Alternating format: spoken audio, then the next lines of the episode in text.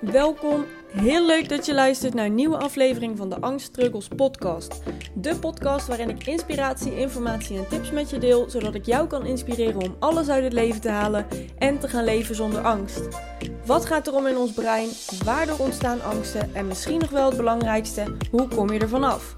Want ook jij kunt dit bereiken.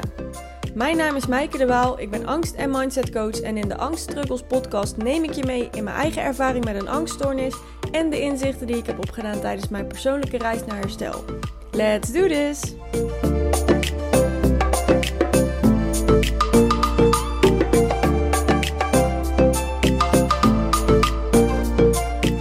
Hey lieve luisteraars, welkom bij aflevering 2 van de Angst Struggles podcast. In de vorige aflevering vertelde ik je uh, mijn verhaal en over mijn ervaring met een angststoornis. En ik ben eigenlijk heel benieuwd wat je ervan vond, dus laat het me eventjes weten. Um, nou, in deze aflevering wil ik het vooral gaan hebben over een angststoornis op zich. Dus wat is nu een angststoornis en wanneer weet je dat je er last van hebt? Hoe werkt het in ons hoofd? Wat gebeurt er precies? Welke verschillende soorten kunnen we onderscheiden? Nou, al deze onderwerpen wil ik vandaag met je gaan bespreken in deze podcast. En deze aflevering maak ik in principe voor jou als je last hebt van een angststoornis en op zoek bent naar herkenning of ja, naar de daadwerkelijke betekenis.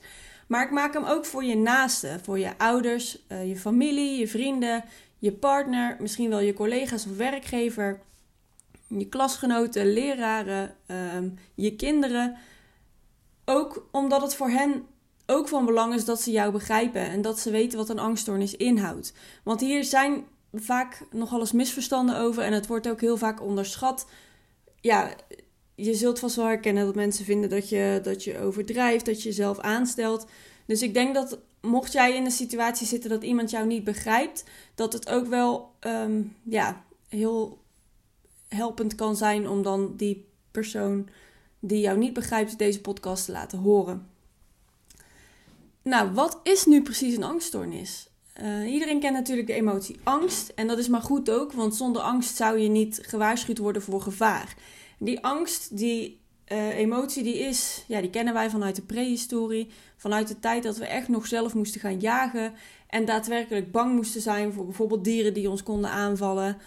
Um, want ja, als je in aanraking komt te staan met een groot beest zoals een leeuw, ja, dan voel je natuurlijk ook echt angst. En die is ook terecht, want je weet daadwerkelijk niet of je het gaat overleven of niet. Um, en ja, door die angst maakt je lichaam zich als het ware klaar om te vluchten. Uh, je hartritme gaat omhoog en er komt meer zuurstof in je hersenen, je spant je spieren aan. En die angst die helpt je op het juiste moment. Dus eigenlijk is het heel goed om angst te hebben. Maar angst kan ook doorslaan. En in sommige gevallen komt dit door een specifieke gebeurtenis, maar het kan ook komen door patronen die je van vroeger uit al hebt meegekregen, of door bijvoorbeeld een slecht zelfbeeld. Nou, wanneer je angst doorslaat, dan ervaart iemand veel heftigere angsten dan die in verhouding staan tot het gevaar.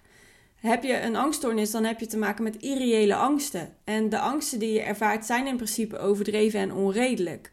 Die angsten zijn niet gebaseerd op daadwerkelijk gevaar.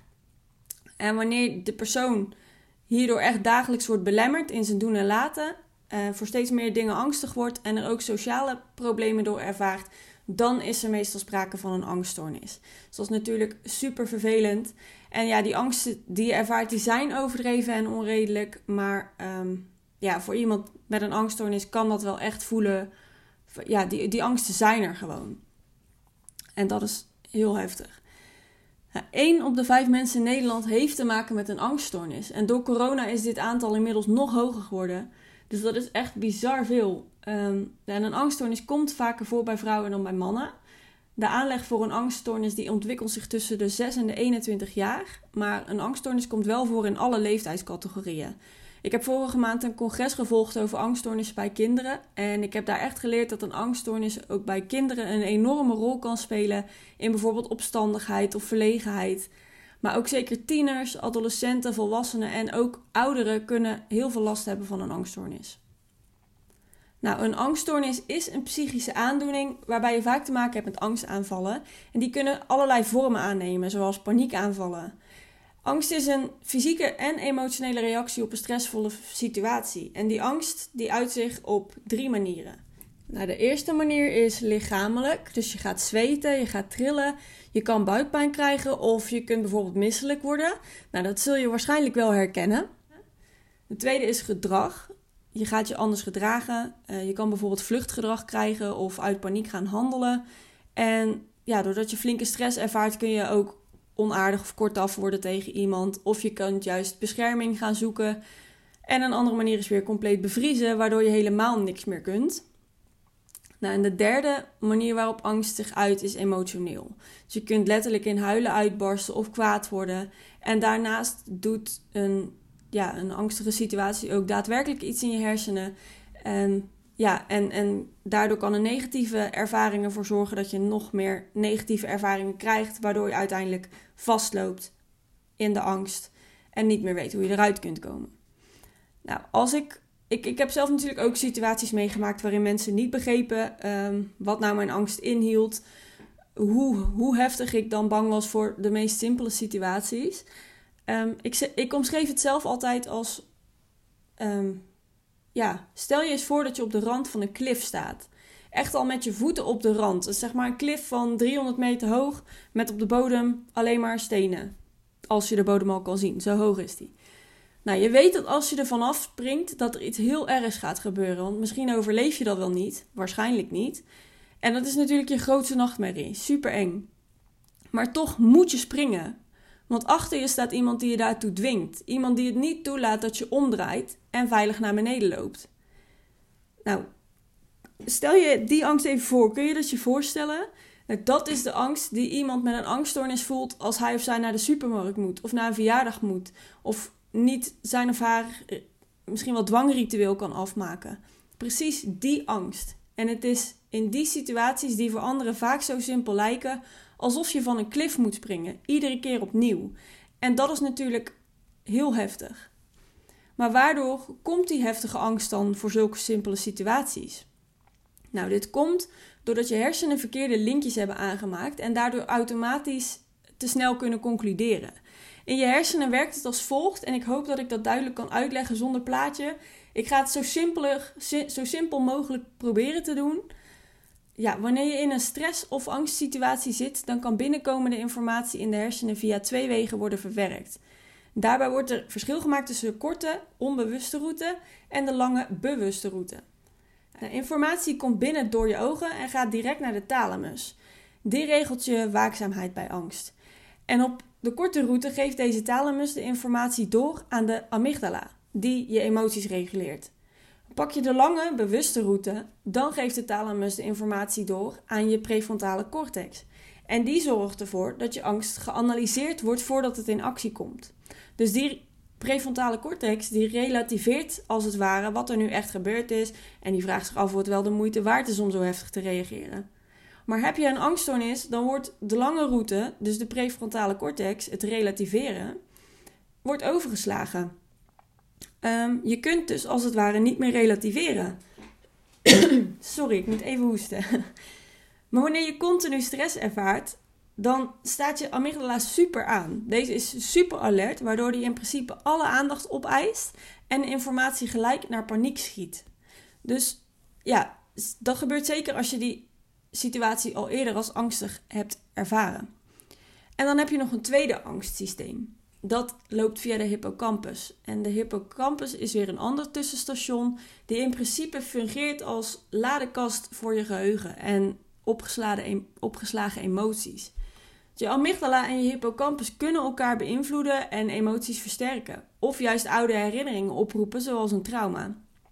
En die hippocampus die waarschuwt daarbij in feite de amygdala die vervolgens heel je lichaam in de paniekmodus zet. Je lichaam schiet in actie, wat dus kan zorgen voor vluchten of vechten of voor een paniekaanval.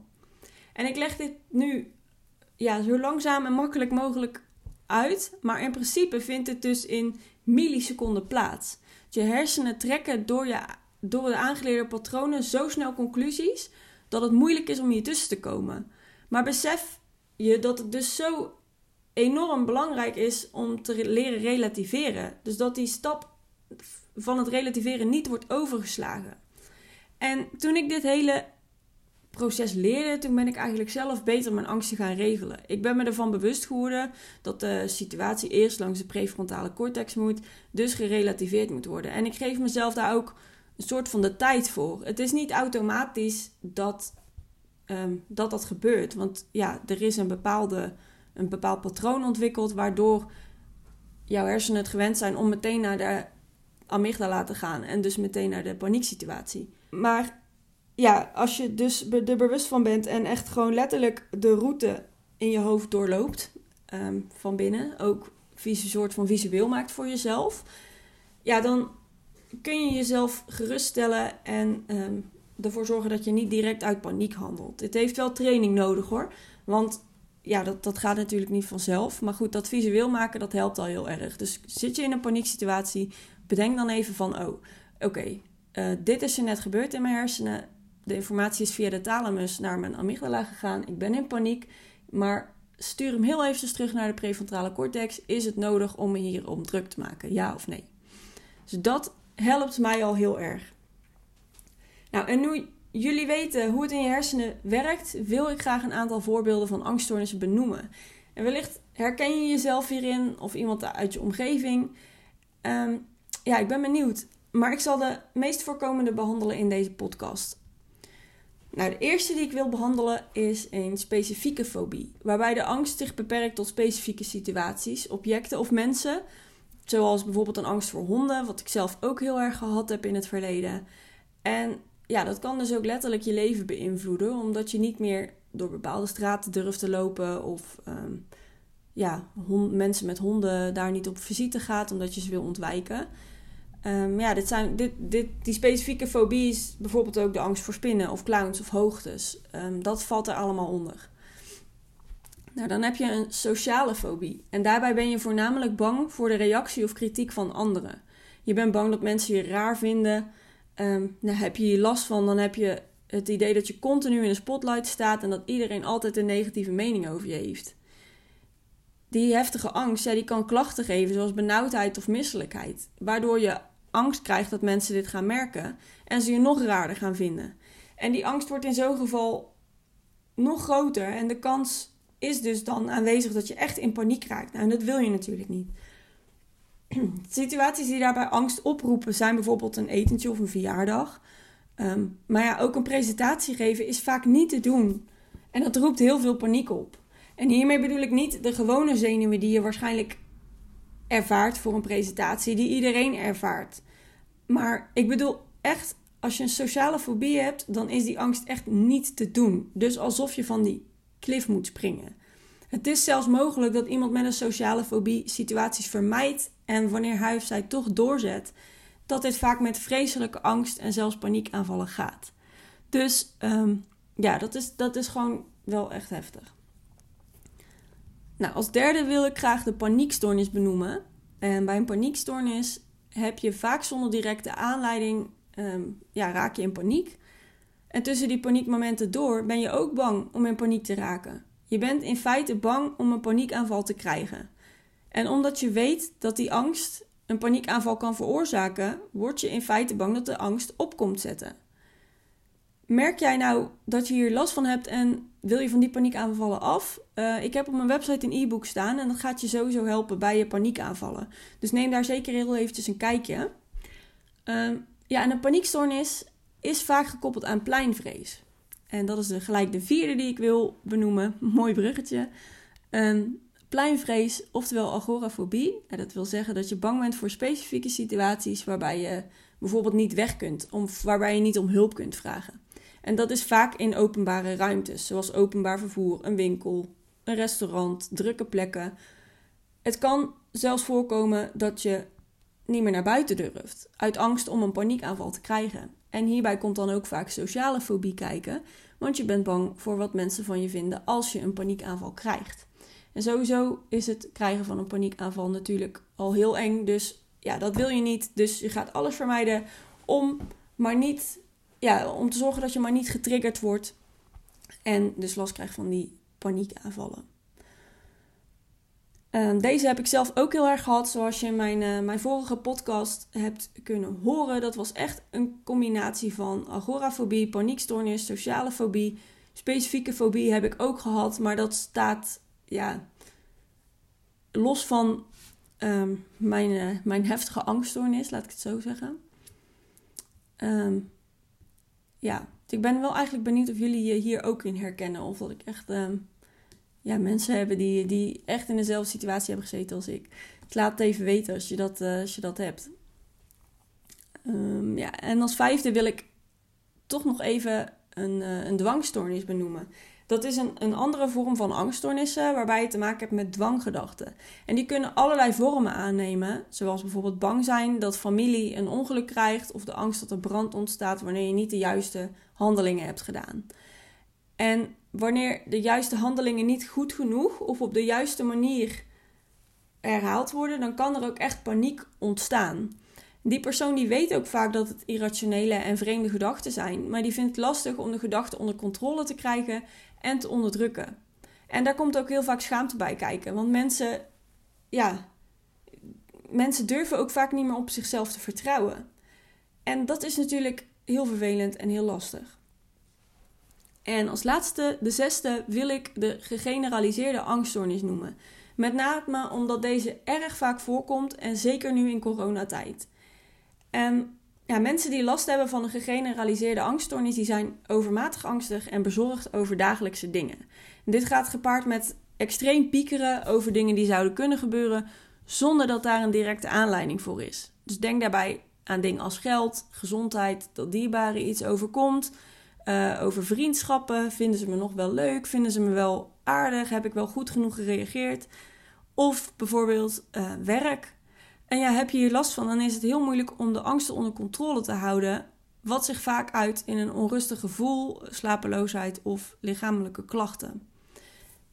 En er zijn nog veel meer angststoornissen, zoals faalangst, hypochondrie. Ehm, ja, heel veel meer. Maar ik heb nu enkel de meest voorkomende behandeld. Dus ben je nou benieuwd naar meer informatie omtrent jouw angsten, dan mag je altijd contact met me opnemen. Want ik, ja, in principe weet ik van iedere angststoornis iets af. Dus dan kan ik je uh, ja, wijzen van wat nou de goede manier voor je is om daarmee om te gaan. Of meer informatie geven. Dus laat het me dat zeker even weten. Um, iemand die een angststoornis heeft, die beseft zich vaak dat de angsten niet reëel zijn. En dat het niet nodig is om bang te zijn in die situatie. Maar toch lukt het niet om de angst opzij te zetten en het normale, tussen haakjes, weer terug op te pakken. En dat is erg frustrerend voor iemand die daar last van heeft. Überhaupt om het voor jezelf en je hoofd op een rij te krijgen is al moeilijk. Maar het wordt vaak nog moeilijker gemaakt doordat de omgeving niet begrijpt dat het zo moeilijk kan zijn om die angsten opzij te zetten. Maar wat kun je dan doen als naaste? Nou, zorg ervoor dat, dat je er bent wanneer iemand met het verhaal naar je toe komt van ik heb een angststoornis. Zorg ervoor dat je open staat voor dat gesprek. En blijf ook praten en checken hoe het met iemand gaat. Trek daarnaast niet te snel conclusies, maar vraag door en toon interesse. Want ja, als je nooit een angststoornis hebt gehad, dan weet je niet hoe het voelt. Dus probeer daar ook geen conclusies aan vast te hangen. Maar ja, inderdaad, vraag gewoon door. Eh, vraag van, goh, hoe zit dat dan? En hoe voelt dat dan voor je? Hoe werkt dat dan in je hoofd? Waar ben je dan precies bang voor? En doe niet alsof het maar simpel is.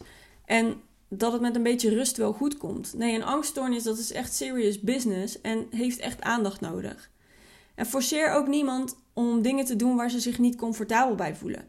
Geeft iemand zijn of haar grenzen aan, accepteer deze dan, hoe moeilijk dat ook voor jezelf is. Maar besef dat het voor iemand met een angststoornis al heel moeilijk is om grenzen aan te geven. Dus zodra ze dit doen, respecteer deze dan ook. En probeer er misschien een andere oplossing voor te zoeken of probeer er omheen te werken.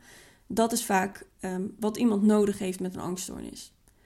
En stel je voor dat jij nu zelf een angststoornis hebt en je wil deze onder controle krijgen. Wat kun je doen? Wat zijn de basisdingen? Nou, um, sowieso zou ik je aanraden om professionele hulp in te schakelen, want het is lastig om het zelf onder de knie te krijgen. En daarnaast is het goed om te bewegen. Dus lekker in huis bezig zijn of, of een rondje lopen buiten, een rondje in de tuin, dat is echt al genoeg.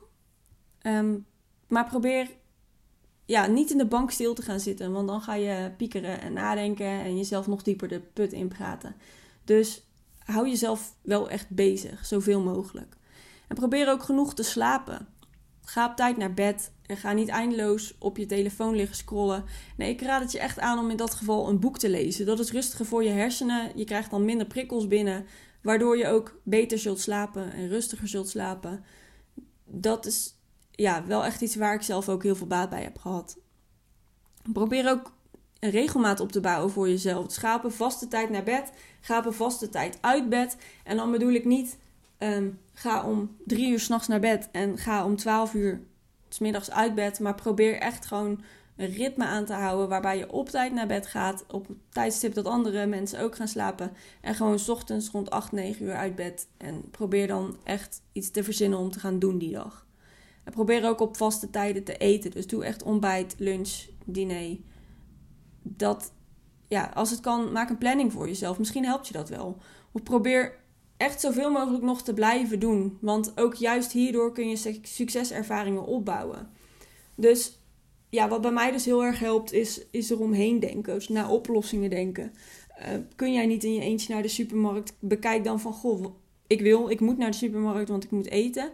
Maar hoe kan ik dat het beste aanpakken? Kan ik iemand om hulp vragen? Kan ik um, vragen of iemand met me meegaat? Of bijvoorbeeld in de auto wacht, als je al een stap verder bent.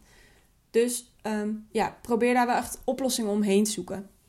Zodat je succeservaringen kunt opbouwen en langzaamaan dat vertrouwen in jezelf en je lichaam weer terugwint. En daarnaast is ook goed eten belangrijk. Want door vet eten voel je je slechter. Waardoor je in je lichaam vaker triggers zult ervaren. Je lichaam moet dat wel even verwerken, al dat vet. Dus ja, daardoor krijg je waarschijnlijk buikpijn, maagpijn of word je misselijk. En drink ook genoeg water, want dat zorgt ervoor dat je hersenen helderder kunnen nadenken.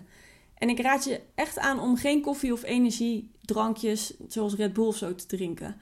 Want deze kunnen ervoor zorgen dat je hart sneller gaat kloppen, waardoor je ook weer triggers kunt ervaren en je lichaam geen rust kan pakken. Nou, gebruik geen alcohol of drugs, want dat kan het gevoel van angst of paniek verergeren. In principe is dat natuurlijk een emotie versterken. Dus als jij je al heel paniekerig of angstig voelt, ja, dan wordt dat alleen maar versterkt. En ja, ontspan. Doe zoveel mogelijk dingen die jij leuk vindt en waardoor je ontspant. Doe niet iets wat iemand jou opdraagt. Want ja, dat, daar voel je je misschien zelf niet prettig bij. Maar doe echt dingen die je leuk vindt. Ga lekker schilderen. Ehm, ja, iets doen, iets leuks, iets opruimen. Misschien heb je wel een oude hobby die je weer op kan pakken. Sporten. Dingen die jij leuk vindt en waardoor je echt ontspant. En daarnaast wil ik echt benadrukken het belang van praten. Zoek iemand die je vertrouwt. Leg uit waar je mee worstelt. Je hoeft het echt niet alleen te doen en het lucht heel vaak op als je er met iemand over kunt praten. Je draagt die last dan niet meer alleen en iemand kan je ook steunen. Ben jij nou heel benieuwd wat in jouw specifieke situatie zou kunnen helpen of wat voor jou het beste zou zijn? Dan help ik je heel erg graag verder in een persoonlijk gesprek. Nou, dit gesprek kun je inplannen op mijn website. En ja, tijdens dat gesprek geef ik je persoonlijke tips waar je echt mee verder kunt, zodat je stappen kunt gaan zetten. Mocht je dat willen, kijk dan even op mijn website www.its-your-journey.com. Het staat dan onder het kopje gratis. Nou, ik hoop dat je door deze podcast wat meer informatie hebt gekregen. Ik ben heel erg benieuwd of je jezelf herkent in de angststoornissen en of je wat kunt met de informatie. En daarnaast kan ik me voorstellen dat je door deze aflevering juist heel veel vragen hebt. Nou, die mag je me natuurlijk ook altijd stellen. Stuur eventjes een mailtje naar mijke.its-your-journey.com Maaike schrijf je met M-I-J-K-E. Ik spel het altijd maar eventjes voor de zekerheid, want het wordt nog wel eens fout geschreven. Ehm, ja, en zo'n gratis adviesgesprek waar ik het net over had, dat is natuurlijk ook voor naasten. Dus als naaste kun jij ook advies inwinnen van, goh, hoe ga ik om met mijn dochter, met mijn collega, met mijn vriendin? Ja, het is zo belangrijk dat het op de juiste manier gebeurt en dat je ook die ondersteuning op de juiste manier geeft. Dus ben jij een naaste, dan raad ik je ook zeker aan om dat gratis adviesgesprek even aan te vragen. Nou, dan wil ik bij deze de podcast gaan afsluiten. Ik hoop echt dat je er heel veel aan gehad hebt. Dat het wat duidelijker voor je is geworden. Ook vooral het stukje over in je hersenen. Ik hoop echt dat dat duidelijk is overgekomen. Zo niet, spoel het even terug en luister het nog een keertje. Ehm, er is ook heel veel informatie over te vinden op internet. Dus, ehm, en je kan het natuurlijk aan mij vragen. Nou, ehm, ik wil je heel erg bedankt, bedanken voor het luisteren naar de podcast. En ik, uh, ja, je hoort me weer bij een nieuwe aflevering. Doei! Dankjewel voor het luisteren naar de Angst Struggles podcast. Als je deze aflevering nou interessant of inspirerend vond, zou je dan alsjeblieft een screenshot willen maken en deze in je story op Instagram willen plaatsen. En eventjes mijn bedrijf It's Your Journey willen taggen. Daarmee inspireer je anderen en ik vind het heel leuk om te zien wie er allemaal heeft geluisterd. Ook zou ik het super leuk vinden als je je abonneert op de podcast of als je een recensie achterlaat op iTunes. Op die manier kun jij eraan bijdragen dat er nog meer mensen worden geholpen en geïnspireerd. Heb je nou zelf vragen naar aanleiding van de podcast of heb je een onderwerp dat je graag terug zou willen horen in de podcast? Laat het me eventjes weten. Je mag altijd contact opnemen via Instagram of via mijn website www.its-your-journey.com. Heel erg bedankt alvast en tot de volgende keer.